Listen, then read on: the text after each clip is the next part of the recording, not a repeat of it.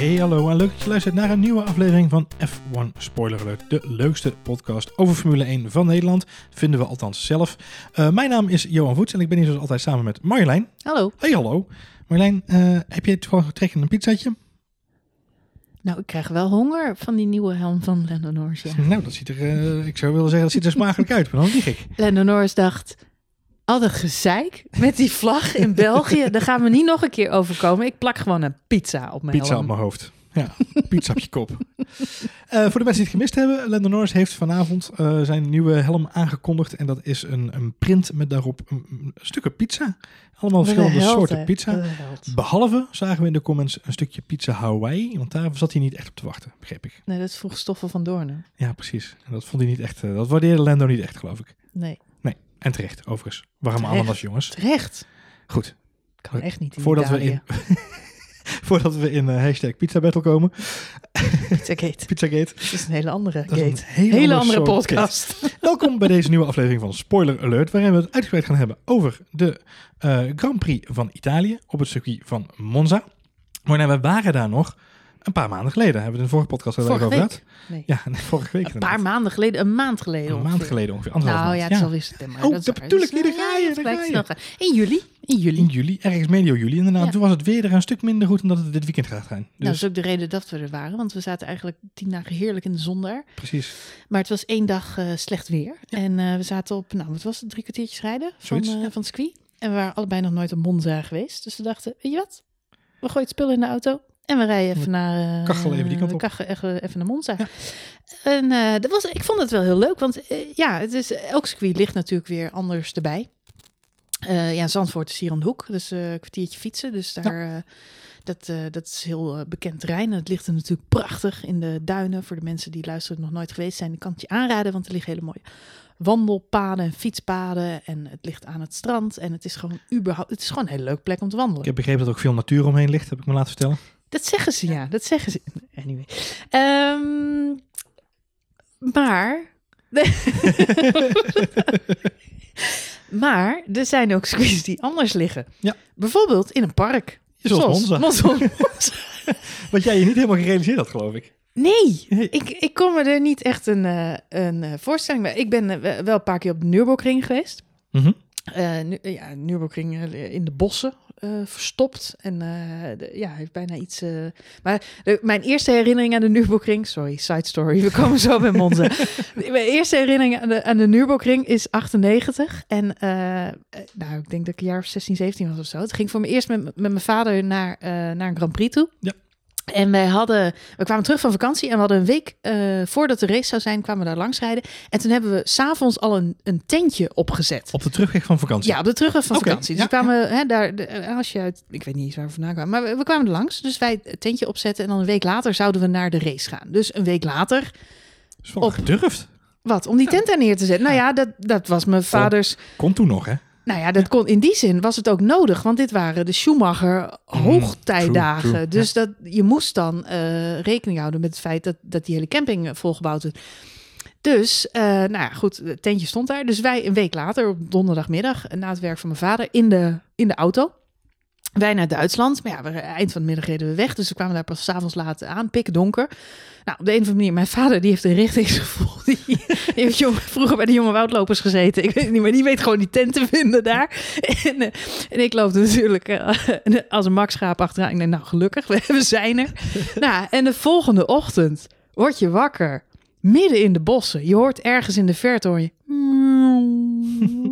Omdat het dus... Nou ja, zo laat werden we ook niet wakker. Maar er wordt vrij vroeg wordt er al gereden. Maar het, het eerste geluid wat je hoort is om je heen... Is, er gaan allemaal, Duits. Er gaan, ja, Duits. Maar er gaan allemaal ghetto blasters aan en zo. Ik kwam buiten, ik zie alleen maar mannen met snorren. Dat is... En op een of andere manier die Duitse man... Stond je wel op nog. de juiste soort camping, Marjolein? Nee, ja, ik werd wakker in Schumiland. Weet je, het was één grote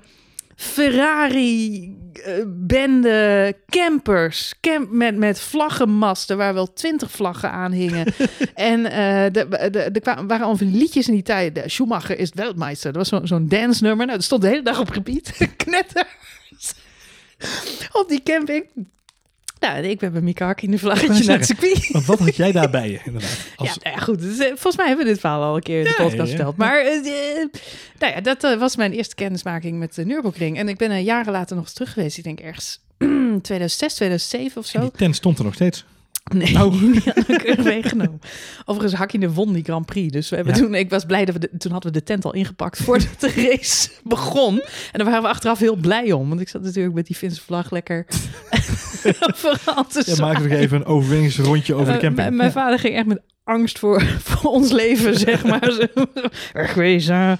Maar goed, ehm, dat, eh, dat was mijn eerste kennismaking met, eh, met de Nürburgring. En eh, ja, het is, het is, ja, het is ja, in de bossen. En je, hebt van- je had allemaal van die partytenten waar braadworst. En er was dan s'avonds wel zo'n soort oktoberfestachtig sfeertje. Eh, dus, maar ja, dat, dat ligt daar heel ja, gezellig, maar ook een beetje in the middle of nowhere.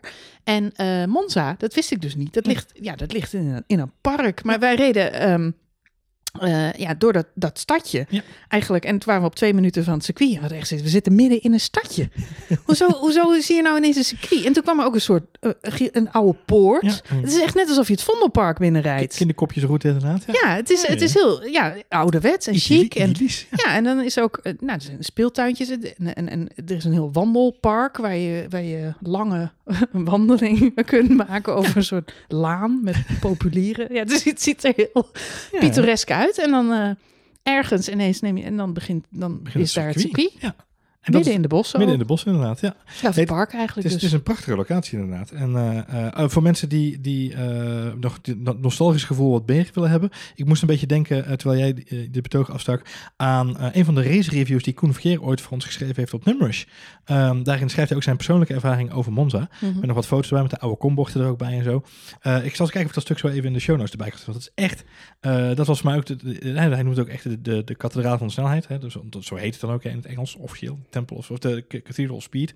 Ehm, en, en hij schrijft daarover in de voorbeschouwing, ja, het is... Dat gevoel had ik ook wel een beetje toen we daar rondliepen. Het is, eh, aan de ene kant kun je zeggen, als je er met een hele kritische blik naar kijkt, dat je een oude bende. Eh, maar goed, dat, had je natuurlijk op Zandvoort eh, tot, voor, tot voor kort eigenlijk ook soms wel eens een keer, als je er op een verkeerde dag kwam, als het grauw en grijs was. Maar aan de andere kant, ja, je ziet gewoon het, dat podium wat daar boven de asfalt hangt. Het is natuurlijk een fantastische omgeving. Nou ja, wat een heel groot verschil is met bijvoorbeeld Zandvoort, maar ook met Oostenrijk, waar we de afgelopen jaren een paar keer geweest zijn. ehm, dat is dat je op die circuits heb je veel meer overzicht.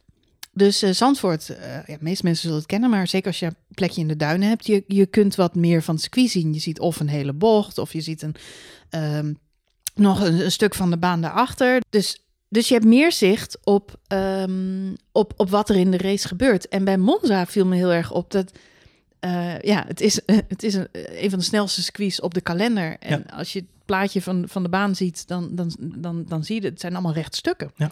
En eh, ja, daar liepen we dus ook langs. En, maar omdat het in een park ligt met, met veel bossen, je hebt dus tribunes die ontzettend steil zijn. Weinig, hoog. weinig hoogteverschil in de baan, bedoel je? Ja. Er zit weinig hoogteverschil in de baan, maar ik zie, ik zie hele hoge eh, tribunes, nou, kaarsrecht, naast elkaar. En dan zit je naar een stuk, eh, stuk recht asfalt Stuk te recht kijken, zeg ja. maar. En dan probeer je voor te Ja, je, hebt, je hebt een combinatie van, eh, toevallig hoorde ik vandaag, Jordan Palmer eh eh, legt het mooi uit. Je hebt een combinatie van zes bochtcombinaties. En dan moet je weer vervolgens aan. Dat is een beetje, Ja, dat is Monza. precies. Je hebt twee, twee stukken waar je even eh, gas moet geven. En dan heb je eh, een technisch stuk met zes bochtcombinaties. En dan begin je weer vervolgens aan. Nu een rondje. En als bezoeker, het lijkt me wel, ja, het lijkt me heel bijzonder om een keer bij te zijn vanwege de sfeer. We zijn ook over het rechtstuk eh gelopen en de tribunes die daar staan, de grandstands, dan zie je wel dat de, de pitboxen die zijn, of de, de, hè, de VIP-tribunes, die zijn nog redelijk recent vernieuwd. Ja. Maar ja, ook de, de, ja, het rechtstuk is natuurlijk eh, iets waar ze hoge snelheid maken. Het lijkt, me, ja, het lijkt me wel qua sfeer wel leuk om erbij te zijn, maar qua ervaring van hè, een race meemaken misschien eh, saaier, zeg Ja, maar, voor de, voor de, voor de sportieve Ja, kijker. Ik snap het. Ja, ja. Veel rechte stukken en inderdaad. Je moet wel op de juiste plek zitten. Nog meer dan op andere circuits. maar als er mensen zijn die luisteren die tegendeel eh, claimen, ik heb het nooit gezien, maar En- eh, en we laat het vooral direct weten. inderdaad. Ja, precies. Hey, eh, het, het circuit van Monza is overigens goed om te weten een van de oudste circuits van, op, de, op de kalender. Sterker nog, een van de oudste circuits ter wereld. Samen met Monaco en ehm, eh, even kijken, Indianapolis Speedway. Een van de oudste circuits ter wereld. En het grappige is, eh, tot voor kort had Monaco en, eh, en Monza wa- waren een beetje stuivertje wisselen met eh, de, de, eigenlijk alle Grand Prix, de meeste Grand Prix ooit verreden op zo'n plek. Ehm, ehm, Monaco had een puntje voorsprong op Monza. Maar ja, dit jaar gaat natuurlijk Monaco van de kalender, dus heeft Monza het weer ingehaald. Dus dit zijn Monaco en Monza zijn de twee circuits waar de meeste Grand Prix op zijn verreden in de Oh, afgelopen wat 70 jaar. grappig. Ze staan nu gelijk. Ja, staan nu gelijk. Nou. Dus bijzonder, klein feitje. Nou, memorabele races. Een van de memorabele races die mij te binnen schoot. En, en waar ik ook nog even met veel plezier naar heb zitten kijken eh, bij het opmaken van ons draaiboekje vandaag, was de race van Vettel in 2008. Mhm. Ehm, die, die won daar in een Toro Rosso. Wat toen nog, eh, Toro Rosso was, eh, was natuurlijk net van Minardi naar Toro Rosso gegaan. Het was zijn allereerste overwinning in Formule 1. Hij werd toen de jongste overwinnaar in een Formule 1 race. Nou, dat record is hij intussen kwijt natuurlijk. Maar het mooiste was, het was een regenrace. Nou, die hebben we natuurlijk niet zo heel gek veel meer gezien op, eh, op eh, Monza. Dus ik ben heel benieuwd. We gaan straks nog even hebben over de weersvoorspellingen voor dit weekend. Of we een regenandje kunnen doen. en voor, eh, voor de Nederlandse fans, Max Verstappen natuurlijk op jacht naar een, naar een podium weer in, op Monza dit, dit weekend. Het zou het eerste podium zijn van Red Bull sinds 2013. Op Monza. Yes, op Monza. Dus de eerste voor Max. Max heeft daar nog nooit nee, de podium klopt. gestaan. Nee, dat klopt. Want als Red Bull hem in 2013 niet gehaald heeft, dan eh, gaat Max er niet mee. Eh, maar we moeten het eigenlijk moeten we het vandaag eh, hebben over het belangrijkste nieuws van vandaag. En ik denk dat de rest van het weekend ook wel zal domineren. En dat is het feit dat de familie Williams in monden Claire en Frank afscheid nemen van de Formule 1 na dit weekend. Hoe, eh, waar was jij toen je dit nieuws hoorde, Waar was ik toen ik dit nieuws hoorde? Dit, dit is een, dit is een eh, eh, ik maak er een grapje over, maar dit is best wel een, een bombshell voor de Formule 1. Eh, de overname van- door de Dorilton Groep, investeringsgroep, was al heftig. Maar je merkte vandaag heel erg eh, eh, hoe groot die fanbase is van Williams. En, en je ziet een soort tweestrijd tussen de fans van Williams en de mensen die zeggen, ah, innovatie, daar gaan we. Ja, nee. ehm, d- om antwoord te geven op je eerste vraag. Waar was ik? Eh, Ik zat de hele dag in allerlei Microsoft Teams calls. Dus eh, eh, ergens tussendoor zag ik... eh nou, ik kreeg geen, eh, ik kreeg geen push-alert, maar ik heb het wel ergens langs zien komen. En ik zag natuurlijk Claire's eigen aankondiging ook op, eh, op Instagram voorbij komen. En mij viel inderdaad ook op dat je, je hebt eigenlijk twee kampen. Je hebt één mensen die zeggen... Wat een verlies voor de sport. En historisch naam. En eh, arme Claire en Frank... Ehm, alles wat ze hebben opgebouwd eh, is nu over en afgelopen. En wat een verlies voor de Formule 1 en wat jammer. En het andere kamp is, eh hè, hè, eindelijk, eindelijk is die verschrikkelijke Claire Williams weg. Ja. Want die bakte er geen bal van. Hm. Ja, om heel eerlijk te zijn ben ik met geen van beide kampen helemaal eens. Nee. Ehm, ja, de waarheid ligt voor, voor mijn gevoel een beetje in het midden. Ja, het is heel grappig. Ik zag een hele hoop mensen voorbij komen die zeiden, ehm, eh, wat een doossteek ook voor de Formule 1, dit had Bernie Ecclestone nooit laten gebeuren. Wat Eh, heeft die er nou weer mee te maken? Die is veel te druk kinderen aan het maken. Nou ja, los daarvan, mensen vergeten soms dat, dat als er iemand commercieel eh, eh, goed na, op, op, op de juiste plek zat, dan was het Bernie Ecclestone wel. Ehm, dus ik weet niet of hij het ver laat komen. En wat heel veel mensen lijken te zijn vergeten, is dat eh, hè, heel veel mensen zeiden, ja, Claire Williams eh, had eh, nooit de tent mogen overnemen en eh, Bernie had Williams nu nog kunnen redden. Heel veel mensen lijken te zijn vergeten dat Bernie Ecclestone degene is die uiteindelijk Claire Williams op die plek heeft gezet, samen met Toto Wolff. Eh, helemaal terug in 2013, toen ehm, Toto afscheid nam van Williams. En hij eh, eh, samen met eh, eh, Bernie Ecclestone Claire Williams in een lunch lokte. De, wie, mensen die dit verhaal niet kennen, luister zoek even terug in de Formule 1 podcast Beyond the Grid naar het interview met Claire Williams. Claire, Claire Williams, die, had helemaal, die werkt helemaal niet in Formule 1. Ze is wel opgegroeid in Formule 1. Haar vader, Frank Williams, heeft natuurlijk dit team ooit gestart. En ik verwijs altijd naar die prachtige documentaire over Williams die op Netflix staat... om het hele verhaal een beetje daarachter te zien. Ehm, dus zij, ja, zij is net als, als Max Verstappen eh, opgegroeid. Ja. Als van baby af aan komt zij al op de grid, zeg grid, maar. ja. En is dit haar leven. Maar zij werkte niet bij Williams op dat moment. Zij had gewoon een baan in de... eh, aanvankelijk in de communicatieafdeling op Silverstone, volgens mij. Eh, ja, ja, klopt. Ehm, en, en Frank Williams wilde eigenlijk ook eh, heel graag dat zij wel wat meer betrokken zou worden bij het team. Maar, eh, ja, maar ze had- niet in deze rol. Dus, eh, tenminste, dat is niet wat hij voor haar in petto had. Nee, dat is niet wat, zij in pet- wat hij in pet had voor haar inderdaad. En uiteindelijk kwamen daar dus inderdaad Toto Wolff en, en Bernie Ecclestone aan te pas. Die, die uiteindelijk eh, Claire op die plek zetten. Nou, zij neemt in 2013 die rol over. En op dat moment draait Williams al een heel dramatisch seizoen als zij daarin stapt. Gaat al niet zo heel erg lekker. Maar in 2014 heeft ze, heeft ze een soort van, ja, je zou kunnen zeggen geluk, maar ook weer niet. Zij tekenen Bottas en Massa. Mhm, Nou, mhm. eh, eh, van Bottas weten we allemaal dat hij eh aanstuk kan rijden. En van Massa wisten we dat dus ook al. Massa wilde natuurlijk weg bij Ferrari op dat moment. Die kwam bij Williams terecht. En ze worden prompt derde in het kampioenschap in 2014. Ja, ze pakken twee podiumplekken dit jaar. Dat is nog niet zo heel lang Een geleden. aantal pols inderdaad. Mhm.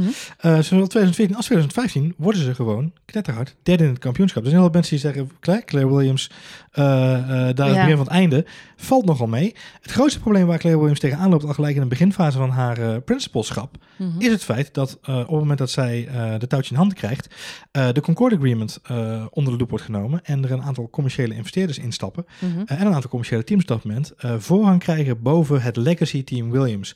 De Concord Agreement, Mhm. eh, misschien al vaker over gehad in de podcast, is natuurlijk het overkoepelende afsprakenpakket wat er gemaakt wordt tussen de teams. waarbij wordt vastgelegd hoe wie welke bonuspunten krijgt, wie welke bedragen uitbetaald krijgt als ze een bepaald aantal punten halen. De vergoedingen voor elke, voor onder andere merchandise en andere dingetjes wordt daarin vastgelegd. En in dat eh, voorstel van 2014 worden Williams ontzettend, ontzettend benadeeld. Eh, terwijl ze een van de oudste teams op de grid zijn, krijgen ze onderaan de streep eh, het minste terug van wat ze eigenlijk investeren in de, in de sport. Met andere woorden, Claire moet dan al op zoek naar investeerders en naar geld, naar sponsoren. En dat maakt het natuurlijk ontzettend lastig. Ehm, als je dan kijkt naar, eh, naar 2014 en 2015, dan hebben ze er sportief gezien nog best wel een goed jaar. Maar eigenlijk wordt vrij snel duidelijk ja, dat ze best wel moeite hebben om die auto eh, eh, snel te houden. En, en de techniek blijft achter bij het sportieve succes. En ze komen al vrij snel tot de conclusie dat in 2014 en 2015, ja, die auto die verliest op een gegeven moment, wordt die in, tussen 2014 en 2015, wordt die de helft zo traag. Dus het gat met de top eh, in 2014 is nog, eh, nog maar een, eh, nog minder dan een procent. En in 2015, aan het eind van 2015, zijn ze gemiddeld bijna 2% langzamer dan de andere teams om zich heen. Maar wat eigenlijk een beetje verhaal is, zeg jij, is dat één, ze raakten hun, of eigenlijk kwamen ze bekaaid vanaf qua financiering. Ze liepen een hoop geld mis in die beginjaren van haar functie. Ja.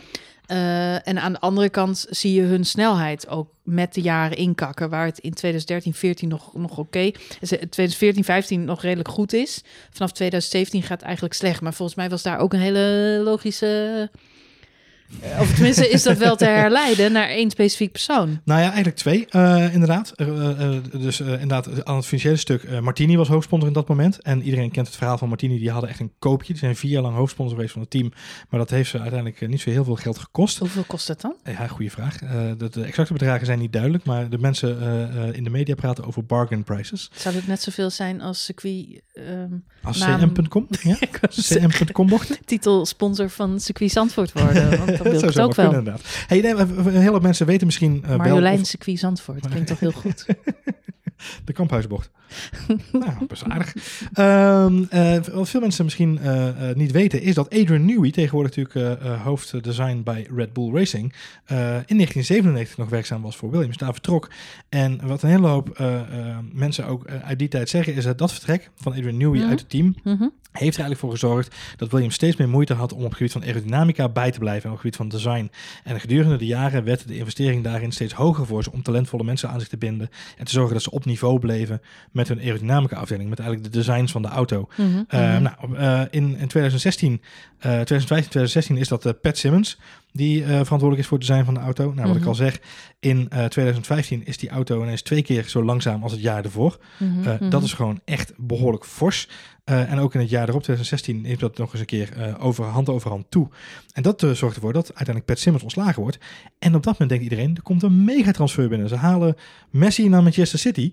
eh, want dan komt Lowe over van Mercedes.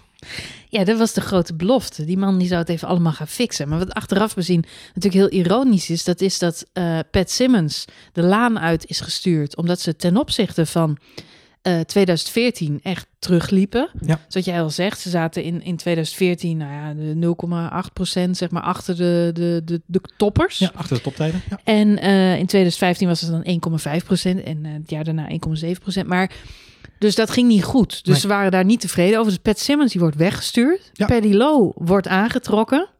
En wat gebeurt er? Wat gebeurt er prompt? Het wordt nog drie keer zo erg. het wordt gewoon echt, het wordt zo verschrikkelijk slecht. En dit zie je ook een beetje in, ehm, In Drive to Survive. In Drive to Survive, in die, in die Netflix-documentaire, zie je die terugkomen. Dat is de zwanenzang van, eh van Paddy Lowe op dat moment al. Die, Ja. die dus inderdaad gedurende drie jaar die auto onder zijn, onder zijn hoede neemt. Eh, om je even een beeld te geven, inderdaad, jij geeft zelf al wat percentages weer. Heel snel even op een rijtje. Die auto gaat van 1,7% achterstand naar 2,5% achterstand. Naar 3,5% achterstand. Naar 4,3% achterstand in 2019. Ja, nou moet ik wel zeggen dat dit verhaal is natuurlijk, want jij zegt drie jaar onder zijn hoede. Maar we hebben allemaal in die documentaire van Netflix gezien dat hij daar twee jaar zit. En dan is er het begin van 2019. En het seizoen 2019, die Williams is gewoon niet op tijd klaar. Weet je wel, ze er vliegen. Geen, er is geen Er auto. is geen Williams. Ze vliegen met z'n allen naar Barcelona. Waar de fuck is Paddy Lowe? Weet je wel, waar is die auto? Waar zijn de banden? Waar ze... Er is niks geregeld. En je ziet Claire Williams daar ook een beetje rondlopen. Zo van, shit, dit was echt... Ik heb twee jaar lang al mijn vertrouwen in die gast gehad. Maar Ja. dit is de motherfucking druppel. Hier houdt het op. Nou, en een maand later is die gast ontslagen. Maar betekent wel dat ze 2019 zijn ze begonnen Met een blokkendoos. Ja. maar ja, met een auto die door iemand gebouwd is, die, die ze duidelijk heeft teleurgesteld en, en, en ja, gewoon niet voldaan aan de verwachtingen. Nou ja, dan het seizoen is nog niet eens begonnen of hij is al ontslagen. En je zit met een auto die inderdaad 4,3% Het is gewoon de slechtste Williams ooit aller tijden. Ja. De auto van 2019.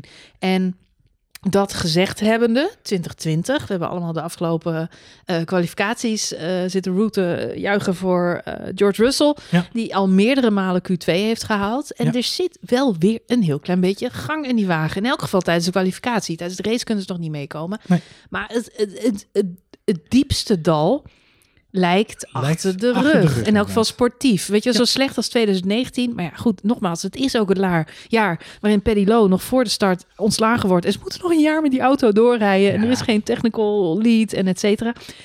En dan nu, nou, begin van dit seizoen werd al aangekondigd, nou, coronacrisis moeilijk lastig, we krijgen het echt zwaar. Auto, eh, team staat in de verkoop. Claire Williams heeft dat eh, ja, eigenlijk al een tijd geleden bekendgemaakt. En, eh, en nu is het dan verkocht. En nu neemt ze afscheid. Ze, ze- in alle persberichten zegt ze dat ze zelf deze knoop doorhakt om weg te gaan.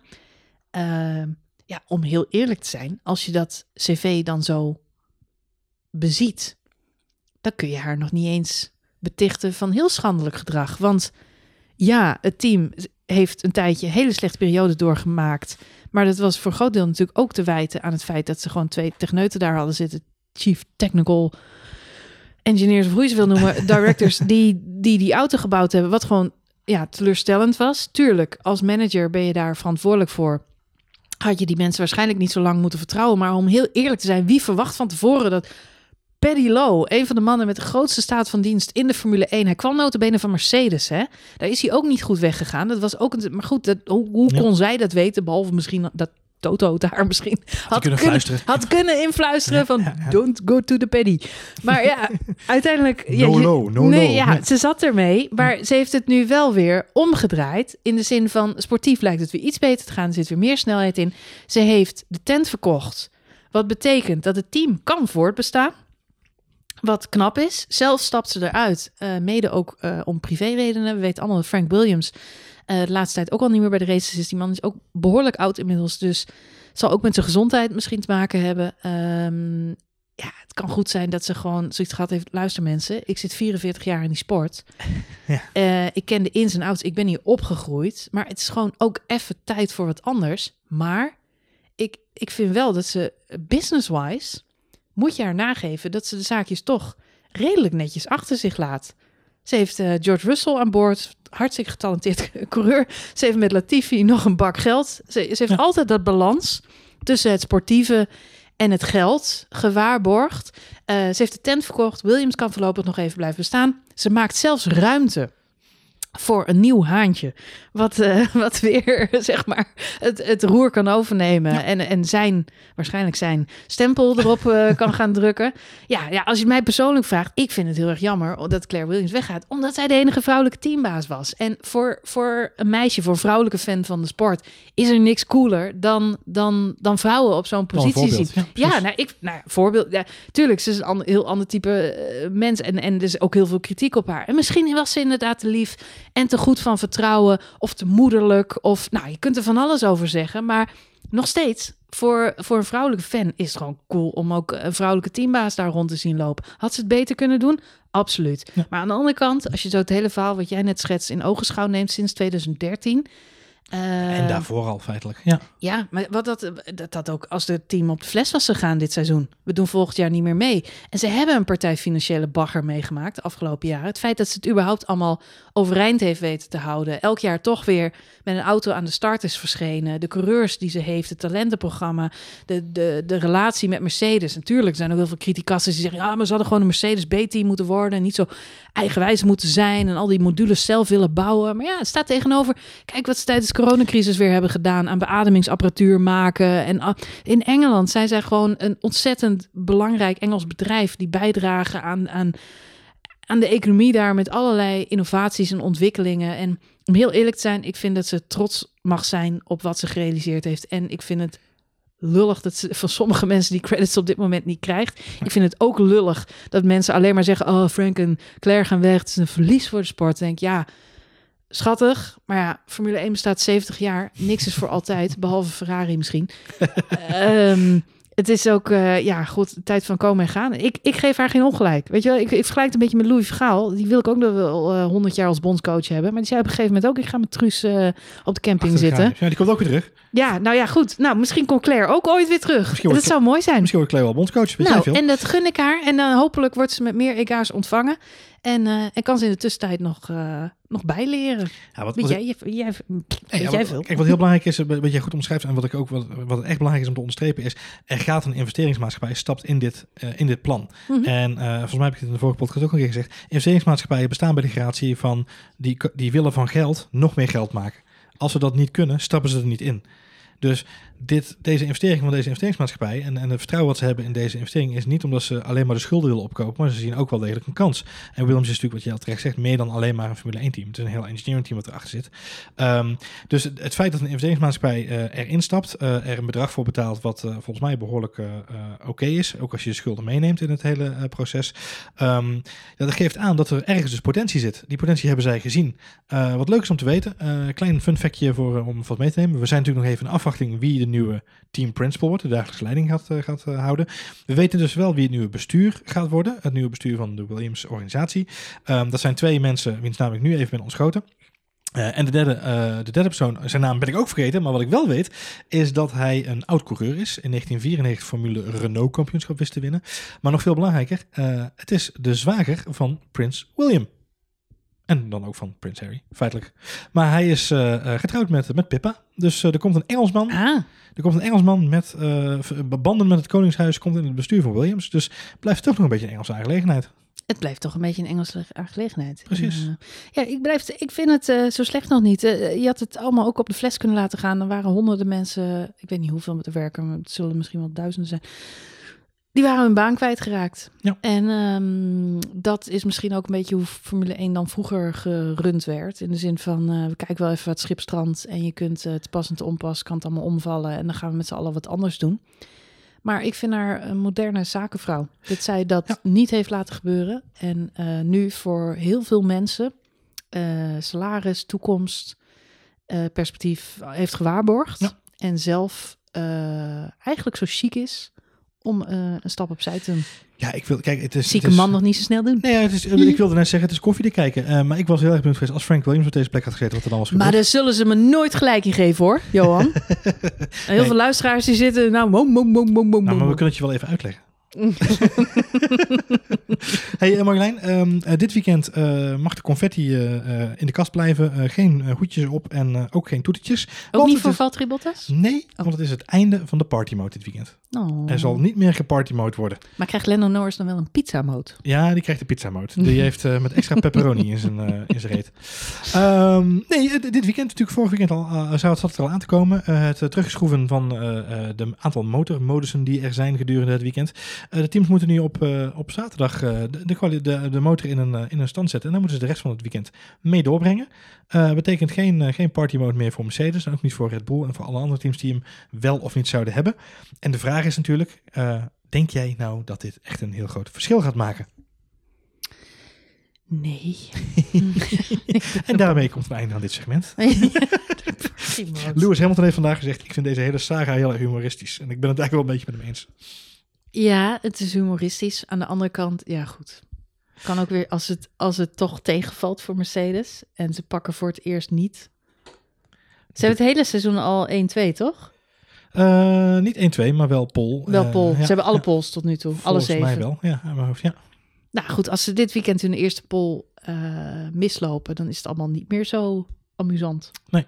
Om in Hamilton's woorden te spreken. Maar goed, daar gaan we wel achter. Het zou ironisch zijn, maar voor de fans goed. Ik, ik pak heel even terug op, eh, op Toto Wolff zijn, eh, zijn uitleg. Die eh, keurig heeft uitgelegd dat het terugschroeven van de. het, het, uitschakelen sorry, van, de, van de party mode. als ze hem nu gebruiken in een kwalificatie, dan reizen ze er ongeveer vijf rondjes mee. Dat kost ze in race setup ongeveer 25 goede rondjes.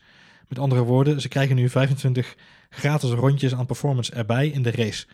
Eh, volgens mij heb ik het al een keer eerder eh, geschetst. Dat we krijgen nu de situatie dat we dadelijk een Mercedes hebben die in de kwalificatie 0,3 seconden langzamer is. Johan, Johan, en in de Johan. race 0,3 seconden sneller. Het is allemaal leuk en aardig, hè?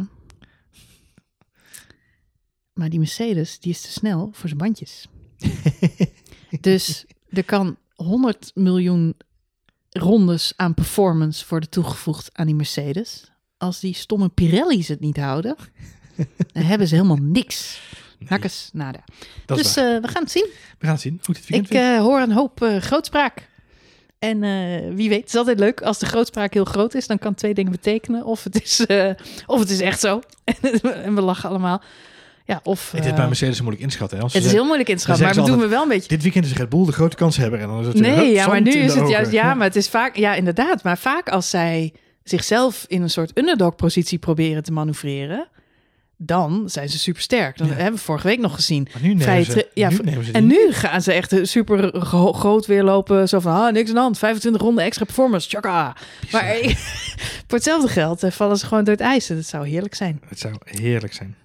Uh, Eh, Verduimen. en ja, het zou voor de Niet omdat ik tegen Mercedes Nee, maar het zou de voor de kampioenschap gewoon leuk zijn. Ja. Ja. Het zou, het zou leuk zijn inderdaad. En we gaan, goed voor sport. Hashtag goed voor houden. Ik, ik ben vooral benieuwd inderdaad naar de, naar de resultaten onderaan de streep. Ik denk dat het allemaal gaat meevallen inderdaad. En ik sluit me aan bij Hamilton. Ik denk dat het gewoon heel grappig is om te merken hoe we er met z'n allen zo mee bezig zijn. Een ander team wat dit weekend eh alert zal zijn om eh, een extra pizza puntje te scoren, is het team van McLaren. Gaan als een jekko. eh, staan intussen derde in het kampioenschap.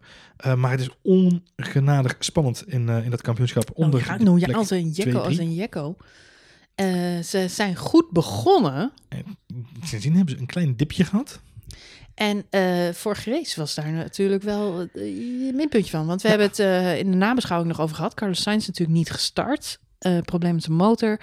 Ehm, maar ook Lando Norris heb ik afgelopen week nog over gelezen... dat hij niet voluit heeft mogen rijden afgelopen weekend.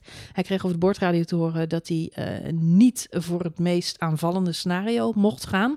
Dat was niet plan A, B of C, zoals ze dat bij Ferrari noemen. Maar, eh, scenario plan C. 7. Ja. Scenario 7 zat niet in de kaarten, kreeg hij te Hm. horen. Eh, en dat ja, zal er waarschijnlijk ook mee te maken hebben. Jij gaf hem geloof ik ook niet zo'n hoog cijfer in jouw review. Maar dat Mhm. had dus alles mee te maken dat hij dus niet voluit mocht gaan. Ah, behalve in de laatste paar rondjes. Dit weekend zullen ze misschien alweer vol tegenaan willen klappen. Zeker Carlos Sainz, die zal natuurlijk in zijn, eh, in zijn nieuwe Duitsland vanaf volgend jaar willen laten zien wat hij kan eh, op een racebaantje. Eh, zeker voor die 250 eh, verplegers en artsen die uitgenodigd zijn door Ferrari, die daar als eerste met publiek aanwezig zijn op Monza dit weekend. Eh, maar even naar het kampioenschap kijkend, Marjolein. En McLaren staat dus inderdaad derde in het kampioenschap, wat ik echt heel, heel knap vind. Zeker als we even terugdenken aan nog maar een paar jaar geleden Stoffel van Doorn en Fernando Alonso. Zo snel kan het dan ook wel weer gaan als je een beetje doorontwikkelt. Uh, McLaren staat op 68 punten in het kampioenschap, de derde plek.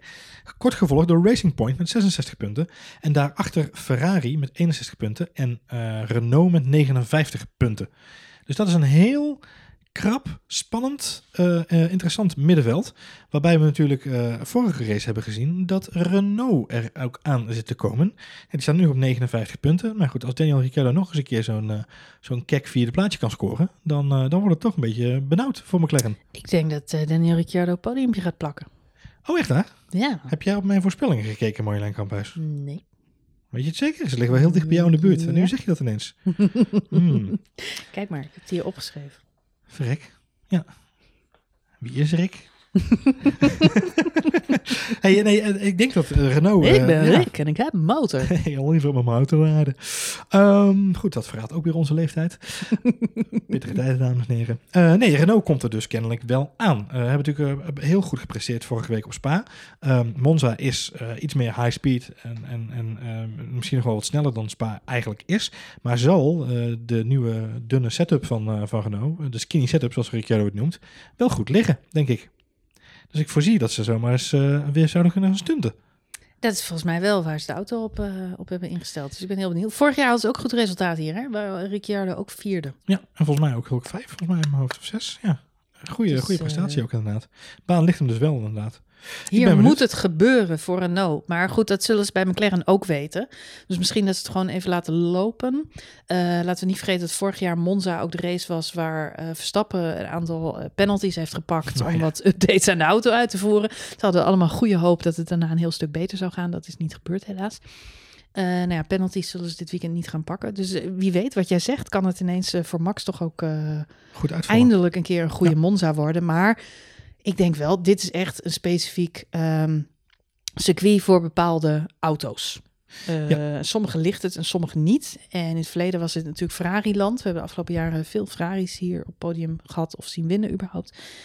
Dus, wel twee jaar geleden Lewis Hamilton. Ja. Dus zo, Ja, eh, net voor ja. Kimi. Mm, Kimi mm, was mm, weg naar de overwinning, toch? Ja, Ja. eh, Kimi won uiteindelijk in Amerika, maar Lewis pakte in de laatste paar rondjes van de wedstrijd Ja, de overwinning klopt. van Kimi toen af.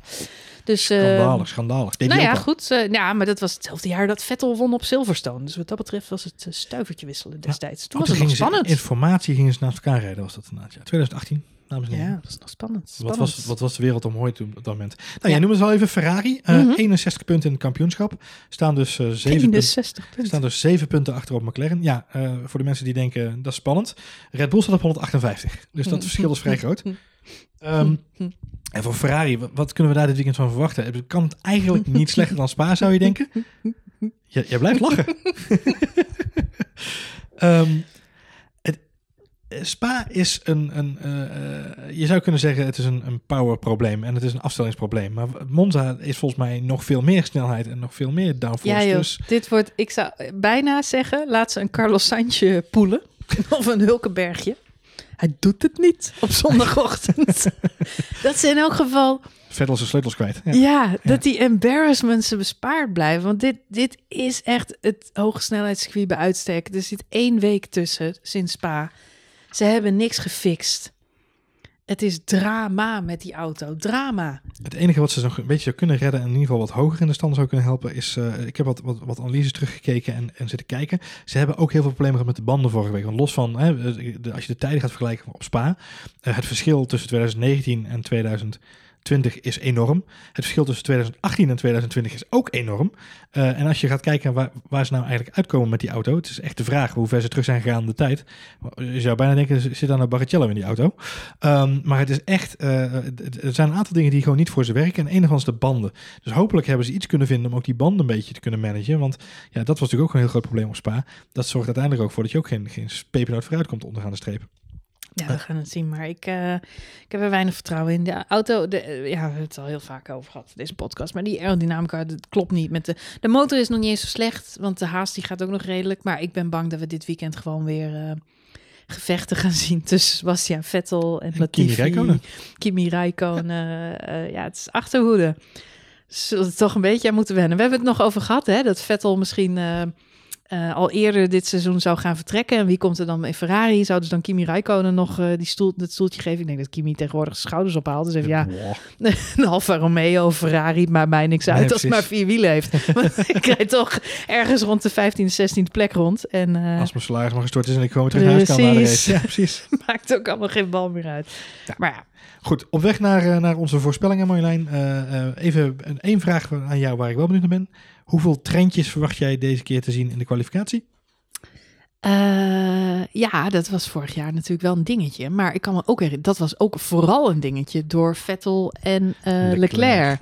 En dat zal dit jaar niet echt eh, een probleem zijn. Ja, ofwel als ze met z'n allen de boel ophouden. Dat kan natuurlijk ook nog. Maar Ja, maar de, ik, op dit moment is de hiërarchie binnen de teams echt behoorlijk duidelijk. Ja. Weet je, er is bij Mercedes, ik denk dat Bottas zelf ook al niet meer gelooft dat hij wereldkampioen mag worden dit jaar. Eh, helaas voor hem, maar dit is gewoon, eh, ja, dat heeft hij al wel weer in de gaten, denk ik. Ehm, dus ja, als er toos moet worden gegeven, dan zorgt Bottas gewoon voor Lewis Hamilton. Dit klinkt zo smerig, maar het is wel wat er gaat gebeuren. En Albon die gaat voor Verstappen rijden. Eh, ja, bij McLaren heb je misschien nog eh, dat uh, Sainz en Norris het niet met elkaar eens zijn. Ehm, bij Ricciardo, die krijgt al absoluut de voorkeur van Ocon. Ik weet niet of Ocon daaraan mee wil werken, maar eh, ja, dus ze moeten elkaar maar een beetje helpen. En ze moeten zorgen dat ze op tijd over de finish komen, Precies. want anders dan... eh, Voor, voor de mensen die dat zich niet meer kunnen herinneren, vorig jaar hadden we inderdaad een hele nou, dat kan iedereen zich herinneren, Johan. Dit is Mensen, blamage. mensen die nieuw komen in de Formule 1, die Dit net net onze zoiets- podcast hebben ontdekt. Net zoiets als de Grand Prix van Amerika 2005, wat was het? Met eh, die zes auto's die Het de probleem is dat we dit weekend op Spa ook weer zagen. Hè? Dus dat er inderdaad, eh, omdat mensen afstand willen houden en ruimte willen creëren. dit weekend was het Ocon met Lando Norris die natuurlijk aan de stok kregen met elkaar. En daarna kreeg Ocon het nog aan de stok met Lando Norris. En Lando Norris kreeg aan de stok met Jack Ploy. En Jack Ploy kreeg aan de stok met Twitter. Dat is een ander verhaal. Ehm ehm, Als jij nou alle verhalen in deze podcast ook zo kort en bondig kon vertellen, dan hadden we Heerlijk, gewoon hè? een podcastje van vijf ja, minuten. dat is bijna gelukt. Ja, Ehm, onderaan de streep, eh, de teams zijn eh, eh, vandaag bij elkaar gekomen en hebben met elkaar even de koppen bij elkaar gestoken. Niet te dicht bij elkaar, op anderhalf meter, met een mondkapje voor. Om deze situatie te bespreken en om te voorkomen dat ze in dezelfde situatie komen als volgend jaar. Dus dat mag de pret niet drukken. Hm. Ehm, nou ja, dan is het volgens mij tijd om te kijken naar de voorspellingen. Ik zal even de eh, eh, weersvoorspelling erbij pakken voor je. Ik zet even mijn Piet Paulus maar petje op. Ehm eh, aanstaande zaterdag, eh weerspellingen zoals ze nu zijn, 28 graden en zon tijdens de kwalificatie. En op zondag hebben we wat meer bewolking en een minimale kans op regen. Hm. Maar die regen komt de laatste race eigenlijk toch nooit. Dus we kunnen wel regendansje blijven doen. Maar ik heb eh, alle regenraces hoop heb ik ooit opgegeven. En hier praten we over, wat is het? Dus vi- v- v- 16% kans op regen tijdens de race. Dus dat is eigenlijk gewoon geen kans op regen in Italië. het zou wel heel grappig zijn als ja, ja, juist wel een regenrace wordt. Maar goed, ze alles zeggen, het gaat niet gebeuren en dan toch. en dan toch. Maar eh, met de regen... reverse jinx. Als ze nou die regen die vandaag gevallen is in Nederland, gewoon even die kant op Oppakken, Holy hell, man. Ja. De straten stonden blank. Ehm, nou Nee, ja, eh, voorspellingen. Mag ik jouw voorspellingje, Marjolein? Wat, eh, Voorspellingen, Wat, gaan we, voorspellingen. wat gaan we krijgen? Een pizza is een ronde schijf met kaas, Kaas en, en veel veel tomaten. tomaten. Maar Lando Norris gaat geen podium pakken. Nee. Lewis Hamilton 1, Oké. Max Verstappen 2, Daniel Ricciardo 3. Gedurfd, gedurfd. Nou ja, ik heb, eh, ik heb ook dezezelfde soort Quattro Stagioni, alleen dan in een andere volgorde. Ehm, ik heb Max Verstappen op 1, Lewis Hamilton op 2 en Daniel Ricciardo op Jij denkt dat Max Verstappen de Grand Prix van, Ik van dat Max Italië Verstappen wint? de Grand Prix van Italië gaat winnen. En, en weet je hoe dat komt? Dat zou echt te grappig zijn. Dat is voor het eerst in, in, in 70 jaar dat iemand de Grand Prix van Italië... Dat, dat, nou ja, de, dat Max daar zou winnen zonder tifosi. Zonder, dus dan win je voor het eerst in je leven Monza. En dan zit er geen hond. En dan is er niet. Wat een nachtmerrie. Dan hoor je zo, zo die kreken zo. Ja, Oh, dat gun ik hem echt niet. Nee, maar aan de andere kant zou Max, Voor- als hij hier nu naast ons zat, zeggen... Maak me geen bal uit. precies. En voor Hamilton, eh, die zou het juist wel prettig vinden. Want die wordt natuurlijk elk jaar helemaal plat gefloten. Dus eh, die zou het toch fijn vinden om een keer niet uh, uitgehield te worden. Ja, die zegt de best fans in the world. Wat is Ja, nu wel inderdaad. Ja. Dit keer wel. Hey, wat, eh, wat is jouw, eh, jouw on, on- ongelooflijk eh, onvoorspelbare, toch voorspelbare voorspelling? Eh, nou, dat de helm van Lennon Norris toch controversieel blijkt. En, eh, en hij toch met een, met zijn- met een andere race Blijkt, blijkt er een keer soort kaas op te zitten. Ja, precies. Ja, precies. Nou, hij heeft in ieder geval voorkomen dat hij die vieze pizza van Sergio Perez van vorig jaar erop heeft zitten. Met die aardappelschijf erop. Dat is een ander verhaal. Eh, ik heb een, een Bottas DNF staan. Bottas DNF? Bottas gaat de race niet Ja, dat moet wel bijna als hij niet op ons podium Nee, staat. Bottas krijgt een DNF. Eh, ik, ik laat even in het midden of een technisch mankement is of, of dat het eh ehm, eh, Ocon is die een stuurfout maakt. Maar Mhm. ehm, eh, ik ga even van een DNFje uit voor Bottas. Smeug. Ja, smeur, daar hou ik van. Net zoals pizza. hou ik ook van. Goed, we gaan eh, met veel plezier uitkijken naar eh, het raceweekend op Monza. Aan vrije trainingen dienen zich alweer aan. Zaterdag de kwalificatie en zondag natuurlijk de race. Daarna duiken wij heel snel weer de studio in om een nabeschouwing te maken, zodat iedereen weer op maandagochtend lekker kan genieten van. En is dan zondag onze honderdste aflevering? Aanstaande zondag, Marjolein, is onze honderdste aflevering. En dat doen we dan speciaal, een speciale uitzending heb ik daarvoor bedacht. Dat doen we met publiek. Alleen Oh ja? dan op een unieke locatie. En op, het moet wel helemaal coronaproof. Mhm. Dus het publiek kan pas de volgende dag eh, meeluisteren. nee? Nee. Oké, nou, zonde. Nee, eh, ja, onze honderdste aflevering eh, van Spoiler Alert. Maar wat ik, al, wat ik in de vorige podcast al zei, we hebben stiekem al natuurlijk al wat meer bonusafleveringen opgenomen en, en bonusmateriaal online staan. Maar dit wordt onze honderdste, onze honderdste Vissa. Op Monza, dat, Een Vissa op Monza. precies. Dat lijkt me een goeie. Nou, goed moment. Mooi. Laten we hopen op een spannende race, anders wordt het een hele saaie honderdste aflevering. Ja, precies. nou ja, het is bijna, zeg, overigens, eh, voor jouw informatie, Netflix gaat dit weekend mee met Ferrari. Was ik even tegen te vertellen in aanloop naar de waar? podcast. Maar Netflix is bij Ferrari dit weekend. En eh, ik heb op Twitter al even de hoop uitgesproken dat ik ook hoop dat ze volgend weekend ook meegaan naar die Duitse Grand Prix. Dat dat een soort 1-2'tje wordt, zeg maar. Maar het zou toch wel heel komisch zijn. Vorig jaar gingen ze mee met Mercedes, Dat is precies wat ik ook zei. tijdens de honderdste, 125 jaar. 125 jaar, nee 100, Eh, 100, 100 jaar, 150, 100. Iets lang. Jubileum, lang. Ja. jubilee van Mercedes. In de autosport, ja. En dat zou Hosanna over de rainbow, toppen de top, Ja. één groot feest worden. Ja. Dat werd het niet. Nee. Wel voor de kijker thuis, Zeker. niet voor de mensen bij Mercedes. En het zou te grappig zijn dat ze dan nu Ferrari volgen en dat iedereen zegt, oh Ferrari achteraan, Williams, eh, ha ha ha ha ha ha. En Ferrari wint die Grand Prix. Dat zou de best episode ever zijn. Ze hebben bij de lokale... eh, Italianen in tranen op de tribune, alle 250. ze hebben bij de lokale feestwinkel... land. hebben ze al een bestelling ontvangen van ene C. Horner voor een hele partij vintage kleding. Ik weet niet precies waarvoor, maar ik denk dat er iets mee te maken heeft. Oh, wauw. nou, ik hoop het. Want ergens, ja, nou, het zou toch ook, ja, het zou toch, alles wat je niet verwacht is leuk in deze sport. Ik wil het zeggen. Zeker, zeker na de nogal eh, eh, verwachte eh, verlopen van de wedstrijden de afgelopen paar keer. We zijn een stelletje zelfkastijders, wij Formule 1 fans. We, Mm, we soms, weten, soms, we ja. weten dat het super voorspelbaar is, maar je blijft elke race blijf je hopen op het totaal beetje onverwachte. een goudvisje, dan kom. Ja, en dan heb je een goede dag.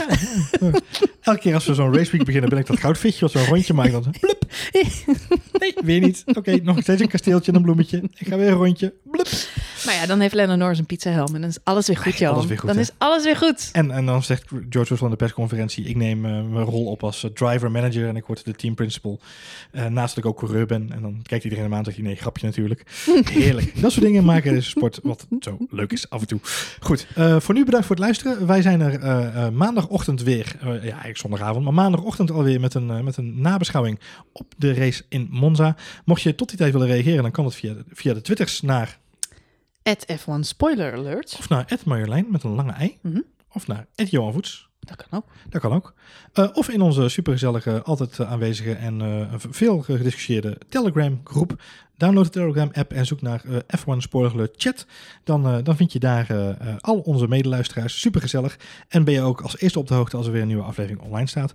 Voor nu bedankt voor het luisteren. Laat een reviewtje achter daar waar dat kan. Mag overal. Mag ook op de koelkast bij je moeder thuis. Kijk maar eventjes.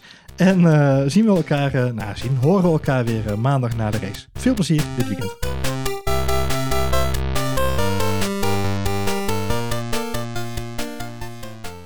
Hey Marjolein. Marjolein, Mhm. weet je wat ik me nou afvroeg? Je had het net over die toe, hè? In, op Monza. Als ze dat nou in België ook doen, heb dat rechte stuk. Is dat dan een camel toe?